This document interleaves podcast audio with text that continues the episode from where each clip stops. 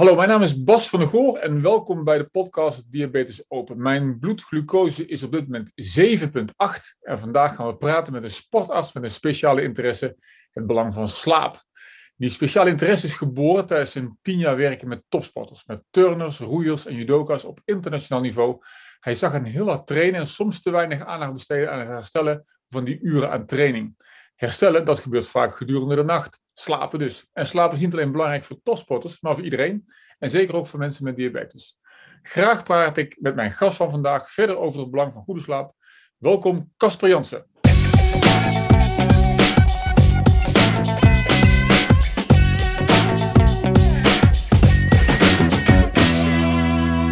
Dankjewel, Bas. Casper, uh, welkom. We gaan vandaag praten over uh, slaap. Uh, heb jij vannacht goed geslapen of niet? Ik heb vannacht uh, goed geslapen, jazeker. Nou, daar gaan we het vandaag over hebben, over, over goede slaap. Uh, zou je ons eens mee kunnen nemen wat dat dan precies is, goede slaap? Zeker, ja. Dat is altijd uh, best wel lastig. Als je het hebt over goed slapen, dan, dan denk je eigenlijk dat, dat je altijd wel over hetzelfde spreekt. Maar als je dan goed uitvraagt waar het eigenlijk over gaat, kun je het toch over hele andere dingen hebben als je zegt: Ik heb goed geslapen vannacht. Want bijvoorbeeld, uh, als ik goed geslapen heb, dan, uh, dan word ik fit en net iets voor de wekker wakker. Nou, dat vind ik heel mooi. Dat is denk ik absoluut een teken dat je hè, ten eerste in een goed ritme zit. Dus dat je voor je wekker wakker wordt, betekent meestal dat je dus hè, dat je gewoon een goed ritme hebt en dus vanzelf wakker wordt en daar geen wekker meer voor nodig hebt. Mm -hmm. Dus dat, is, dat, dat kan zeker een teken zijn voor goede slaap. Uh, een ander iets wat, wat veel wordt genoemd is dat je je fris voelt. Hè? Als je ochtends wakker wordt, dat je zin hebt in de dag. Hè? En dat je je hersteld voelt van de vorige dag. Als je kijkt naar de slaap op zich, als je het gaat meten, dan heb je alle verschillende stadia van slaap nodig. Dus dan heb je, uh, als we beginnen aan de nacht, je valt in slaap, dan kom je eigenlijk eerst in de sluimerslaap. Hè. Soms voel je jezelf nog wegvallen. Schrik je weer even wakker. Hè. Dat is die fase waar je heel makkelijk uit wakker wordt. Dan kom je daarna in de lichte slaap. Hè. Je spieren ontspannen al wat, je hartslag daalt. En dan na zeg maar een half uurtje kom je vaak al in de diepe slaap. En diepe slaap, dan zijn eigenlijk je hersenen wel actief. Hè? Dus je, je brein wordt eigenlijk schoongespoeld maar je hebt heel weinig hersenactiviteit. Dus je, hersengolven zijn heel traag. Misschien wordt het al een beetje technisch, hè, maar dit deel van de slaap blijkt heel belangrijk te zijn uh, voor de aanmaak van groeihormoon. We hadden het er al even over bij de introductie.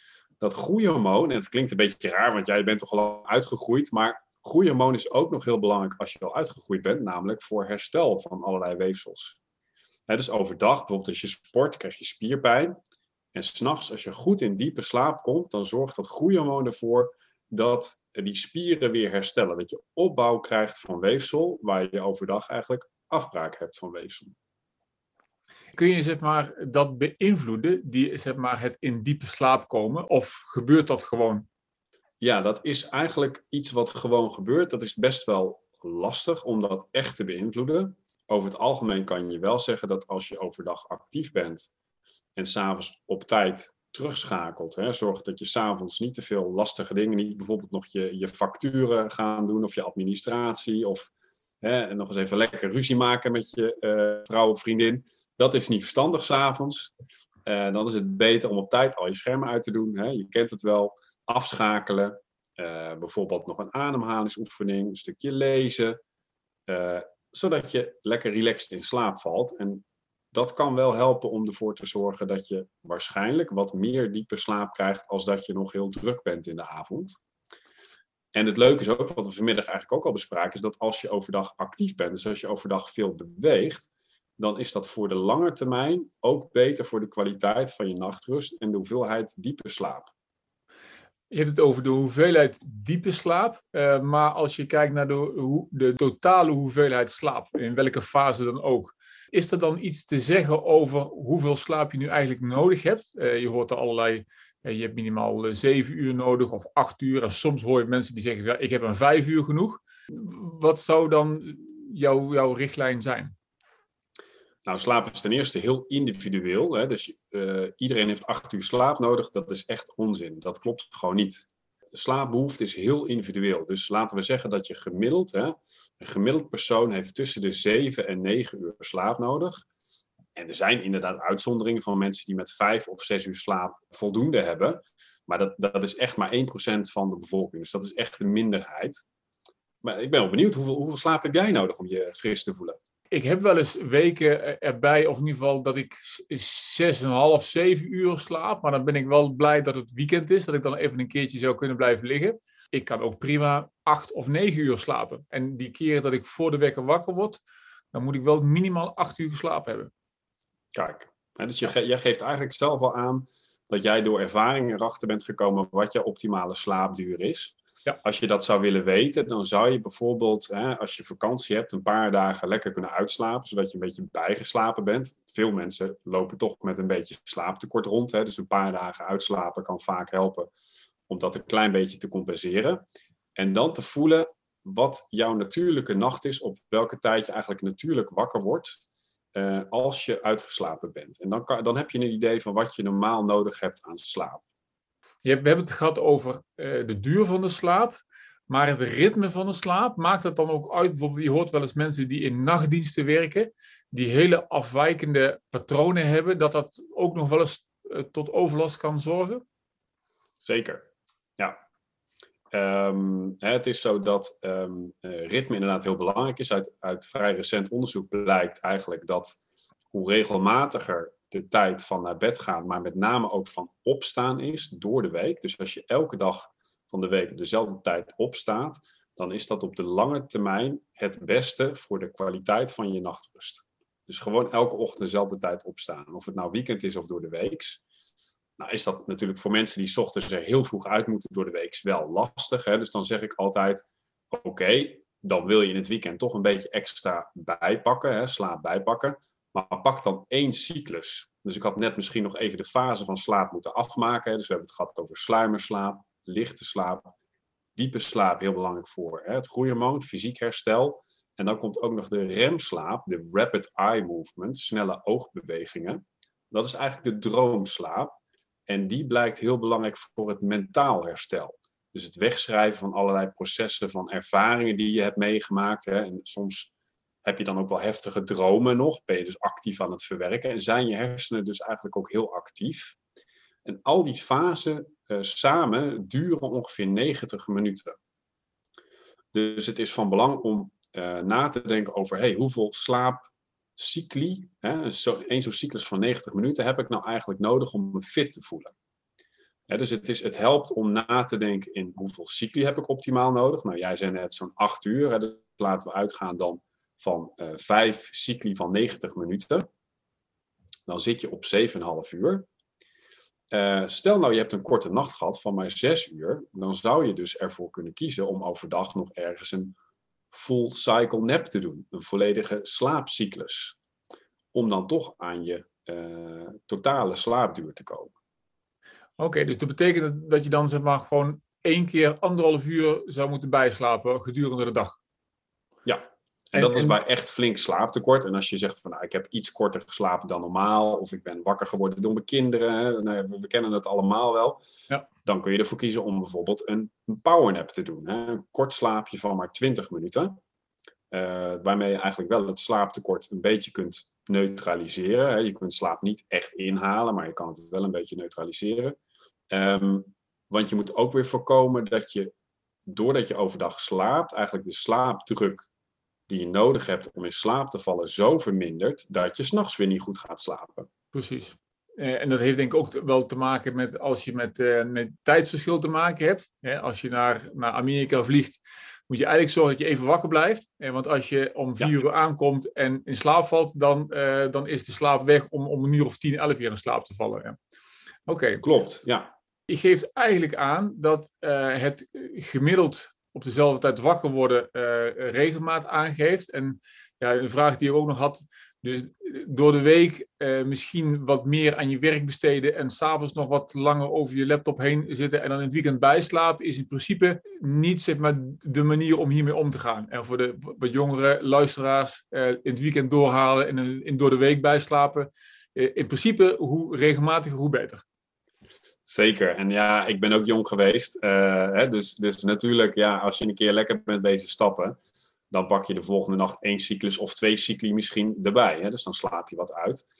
Maar op de lange termijn is dat niet gunstig. Omdat je als het ware, hè, als je bijvoorbeeld het weekend lang in bed blijft liggen en, en laten we zeggen pas om 11 uur eruit komt en door de week dan om 7 uur op moet, dat is een tijdverschil van 4 uur dus dat zijn meer dan twee slaapcycli verschil. En dan krijg je eigenlijk steeds een soort mini-jetlag. Dus je bent eigenlijk je interne klok in het weekend wat aan het vertragen en door de week ben weer aan het vervroegen. En dan krijg je als het ware elke keer dat je je lichaam blootstelt aan dat tijdverschil, waardoor dat een negatief effect heeft op je slaapkwaliteit. Ik ga dit zo meteen aan tafel met mijn kinderen bespreken. Dat zij nog nooit in Amerika zijn geweest, maar wel elke week een jetlag hebben. Dus uh, dat is wel heel goed, ja. Dat is, dat, is, dat is zeker goed. En dan is het wel slim om te weten, als je toch kinderen noemt, hè, dus zeg maar kinderen tot, en dan zeg ik eigenlijk tot 21 jaar, jong volwassenen geldt het ook nog voor, mm die hebben als het ware een iets tragere biologische klok. Dus die hebben de neiging om later naar bed te gaan en ook later uh, op te staan. En ze hebben in Amerika daardoor zelfs de schooltijden wat verlaat. Omdat het blijkt gewoon dat als je kinderen wat langer laat liggen, dat ze ook op school beter presteren. Aha, oké. Eh, ik weet niet of ik dat uh, ga melden zometeen aan tafel, maar uh, misschien moeten ze dan toch naar Amerika verhuizen. We hebben het natuurlijk ook over slaap bij mensen met diabetes. Zou je kunnen zeggen dat, dat er voor hen misschien nog wat extra voordelen oplevert om zeg maar, voldoende en regelmatig te slapen? Zeker. we weten dat, dat als je korter slaapt, dat je minder gevoelig wordt voor insuline. dus dat betekent sowieso dat als je diabetes hebt, dat het slim is om je slaap aan je, echt aan je nachturen te komen. Dus echt goed aan, je, ja, aan jouw uren te komen die jij nodig hebt om uit te rusten. Want als je dat niet doet, zul je merken dat s ochtends je suikerwaarden sneller hoger zijn, of in ieder geval ontregeld zijn, hè, dan als je dat wel doet. Dus ja, dat, dat hoef ik jou natuurlijk niet uit te leggen, dat bij diabetes ritme en regelmaat sowieso heel belangrijk is. Uh, maar slaap is daar absoluut een hele belangrijke in. Als je dat op orde hebt, dan denk ik dat je daarmee echt je suikerwaarde enorm uh, beter kunt reguleren. Ja, ik hoorde van uh, hoogleraar uh, Lisbeth van Rossum, en zij is expert op het gebied van, van overgewicht, obesitas, dat stress ook kan leiden tot snacktrek, tot behoefte om te gaan eten. zou je kunnen zeggen dat onvoldoende slaap stress verhoogt, waardoor je en eh, minder efficiënt insuline krijgt en meer trek om te gaan eten en dat het dus eigenlijk dubbel opwerkt. Ja, dat klopt. Dus dat zorgt er eigenlijk voor, dan wordt het misschien een beetje technisch, maar dat uh, bepaalde hormonen, ghreline en leptine, die er normaal voor zorgen dat je trek krijgt, maar dat je ook verzadigd bent, die raken eigenlijk verstoord. Dus hoe korter je slaapt, hoe meer die hormonen verstoord raken. En dan krijg je inderdaad snacktrek. Dus je krijgt een, ja, een, een ongezonde trek in, in vette of zoete dingen. Uh, waardoor eigenlijk ook je, je, niet alleen je suikerwaarden, je glucoses verstoord raken, maar bijvoorbeeld ook de vetzuren. Je krijgt meer vetzuren in je bloed. Je krijgt een ongunstige ontwikkeling van het cholesterol. dus het is ook gebleken dat als je kort slaapt of onregelmatig slaapt, dat het op de lange termijn ook een verhoogd risico kan geven op hart- en vaatziekten. Ja, dus extra reden om, om, om uh, ruimte te nemen om voldoende te gaan slapen. Uh, een andere arts waar we veel mee samenwerken, die, die vertelde ooit dat, dat iedereen denkt dat hij wakker wordt als zijn ogen open gaan. Maar het lichaam is dan al een tijdje bezig om het lichaam klaar te maken voor de dag. de, hormoonhuis, de hormoonhuishouding die giert dan op volle toer, om het zo maar te zeggen. en dat, dat, merk ik, dat merk ik zelf. ik heb zelf diabetes type 1 dat ik, dat ik s ochtends meer insuline nodig heb om de hoeveelheid glucose in mijn weg te zetten in mijn spieren dan de rest van de dag. Um, En voor iedereen die diabetes type 2 heeft en de mogelijkheid heeft om zeg maar, zijn glucose te meten, ervaart misschien s ochtends wat hogere waarden dan uh, de rest van de dag. Kun je daar iets over vertellen wat, dat, wat, wat er gebeurt zeg maar, vanaf een uur of, nou wat is het, vier, vijf, zes, s'nachts? ja, je cortisolwaarden uh, gaan omhoog. Hè. Dat is eigenlijk het, inderdaad het stresshormoon, maar gewoon ook een normaal hormoon wat je nodig hebt om overdag actief te zijn. En dat zorgt er inderdaad voor dat die insulinegevoeligheid ook weer verandert. Um, dus s ochtends is eigenlijk natuurlijk, hè, om wakker te worden, heb je die stijging van dat cortisol nodig. Uh, maar dat zorgt er dus ook voor dat je uh, wat minder gevoelig wordt voor insuline. En dat hangt er een beetje vanaf natuurlijk of je spuit of dat je misschien nog andere medicatie zoals metformine gebruikt. Hè. Maar over het algemeen is het zo inderdaad dat het daardoor kan zijn dat je uh, s ochtends misschien juist ook als je te veel gespoten hebt eerder een hypo krijgt. En als je te weinig gespoten hebt of je bent heel actief geweest, dat je juist ja, wat, wat, wat, wat hoger of wat lager zit. Dat kan natuurlijk enorm invloed hebben. Ja, ja. Als je nou, hè, dus wat luisteraars zeggen van nou oké, maar ik zou wat, wat beter willen, wat meer willen slapen. Uh, nou, we hebben het gehad over de duur, uh, we hebben het gehad over de regelmaat. Uh, maar als mensen dan toch nog een ja, onvoldoende nachtrust ervaren, zijn er ook nog tips om, om toch wat makkelijker en betere slaap te komen? Ik hoorde je al zeggen, uh, uh, s'avonds eerder uitschakelen. Dus niet naar schermen kijken, geen ingewikkelde dingen meer doen, geen, geen ruzie maken. zijn er nog andere dingen die, die zouden kunnen helpen? Ja, dat zijn een beetje, hè, dat, dat heet slaaphygiëne. Hè. Dat zijn eigenlijk de dingen die je kan doen. Dat wil niet zeggen dat je een schoon bed moet hebben. Ja, natuurlijk ook wel. Maar hè, dus dat je s'avonds eigenlijk op tijd alle lichten uitdoet. Dus ik zeg altijd in ieder geval negen uur alle schermen uit, je telefoon weg. Hè, dat je niet laat nog met appjes bezig bent, waardoor je ja, toch ook je brein eigenlijk uh, bezighoudt. Wat ik zei, je kan een ademhalingsoefening doen, of een meditatie, of misschien, ik, ik vind zelf yin-yoga. We hebben samen een oefening gedaan, die komt uit de yin-yoga, die ervoor kan zorgen dat je spierspanning afneemt. Uh, dat zijn allemaal dingen die ervoor zorgen dat je eigenlijk een versnelling terugschakelt want heel veel mensen hebben de neiging, ik zelf ook, ik ben meer een avondsmens, om dan s'avonds nog van alles te gaan doen, hè, dingen nog te gaan bedenken. Uh, maar het is dan toch slimmer om jezelf daar ergens in te begrenzen. dus dat je een avondmens bent, is natuurlijk prima, maar om dan toch ergens op de avond te zeggen: Oké, ik ga me klaarmaken om lekker naar bed te gaan en ik ga afschakelen. En het, het interessante is dat dat ook geldt voor overdag. Dus mensen denken vaak aan slapen dat ze s'avonds iets moeten gaan doen.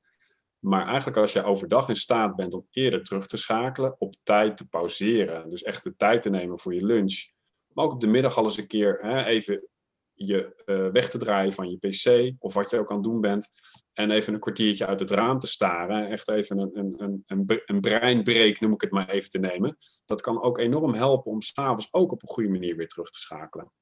Nou, dat zijn, uh, dat zijn hartstikke, hartstikke goede, goede tips. Volgens mij hebben we bijna alles besproken, eh, Casper. Misschien nog heel even terugkomen op die powernap. Uh, want dat vind ik wel interessant.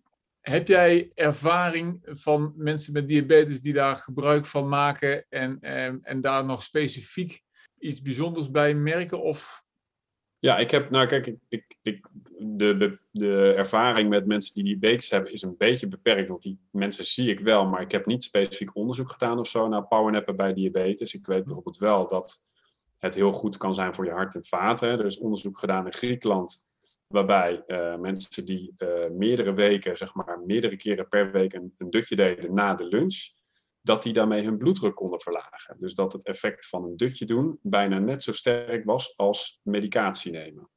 En dan hebben we het over het effect op hart en vaten. Uh, als je het hebt over je suikers, is het natuurlijk ook weer regelmaat. Hè? Dus als jij um, um, bijvoorbeeld na de middag vermoeid bent en je hebt een korte nacht gehad, dan kan het voor je lichaam, voor de ritme ook heel goed zijn om dan even je rust te nemen. En daarmee eigenlijk ook hè, de schade die je eigenlijk het ware geleden hebt door de korte nacht, weer te neutraliseren door een dutje te doen. En dan is 20 minuten is al voldoende. Dus dan heb je alleen lichte slaap. Je moet dan ook echt even je wekker zetten, want als je dat niet doet en je hebt slaaptekort, kan je ook in diepe slaap komen. Dat noem ik de oeps, ik sliep. Je kent het wel, in het weekend was je op de bank gaan liggen en je valt in slaap en er komt iemand binnen en je schrikt wakker en je denkt, wow, waar ben ik? Je bent een beetje misselijk, hè? een beetje dat jetlag gevoel ja, dan word je wakker uit diepe slaap. Dat is natuurlijk niet prettig. Dus het is slim als je een powernap doet, om hem dan ook echt te plannen. Dus om echt een, wekker te zetten en maximaal 20 minuutjes uh, te gaan liggen. We hebben het ook gehad over zeg maar, de rol van bewegen. Uh, door meer te bewegen ga je beter slapen.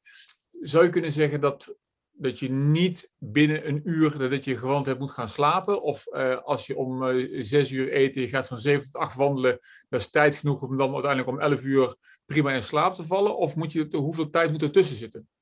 Ja, dat, dat valt mee. Kijk, een rondje wandelen is niet zo intensief. Dus je hartslag zal wel iets omhoog gaan, maar het is niet heel intensief. Het is eigenlijk een prettige manier, ook als je gegeten hebt, om eigenlijk weer eventjes je, je, lichaam aan het werk te zetten voordat je je bed in kruipt en lekker tot de rust komt. Dus voor heel veel mensen kan een rondje wandelen juist een hele goede gewoonte zijn, ook na het eten, om uh, hè, eigenlijk nog iets te doen en dat je daarna echt tot rust komt, dat je daarna echt ontspant. Als je echt gaat sporten, dus als je echt intensief gaat bewegen, waarbij je hartslag echt flink omhoog gaat en waarbij je ook veel grote spiergroepen gebruikt, ja, dan kan het zijn dat je toch je, je wordt ook warm, dus je gaat zweten. Ehm, dat je daardoor wat meer tijd hebt, uh, of tijd nodig hebt eigenlijk om tot rust te komen. En dat het daardoor niet goed lukt om meteen in slaap te vallen. Dus wandelen zou ik zeggen, een hartstikke goed idee. Intensief sporten, een uur binnen uh, bedtijd, zeg maar, dat is misschien niet zo slim. Oké. Nou, volgens mij hebben we de cirkel redelijk rond. We hebben het uh, over uh, het effect van, van slaap, goede slaap gehad op, op glucosewaarde. Dus heel belangrijk voor mensen met diabetes. We hebben de rol van sport en bewegen nog in meegenomen. Dus dankjewel Casper voor de bijdrage aan deze podcast. heel veel dank daarvoor. Mijn bloedsuiker is inmiddels 7,2. Over een maand volgt de volgende podcast met een nieuw thema. Heb jij nog een vraag over sport, bewegen en diabetes? Laat het ons weten via onze Facebookpagina website of stuur ons rechtstreeks een mail naar podcast.bvdgf.org. Heel graag tot de volgende Diabetes Open. Wel te rusten.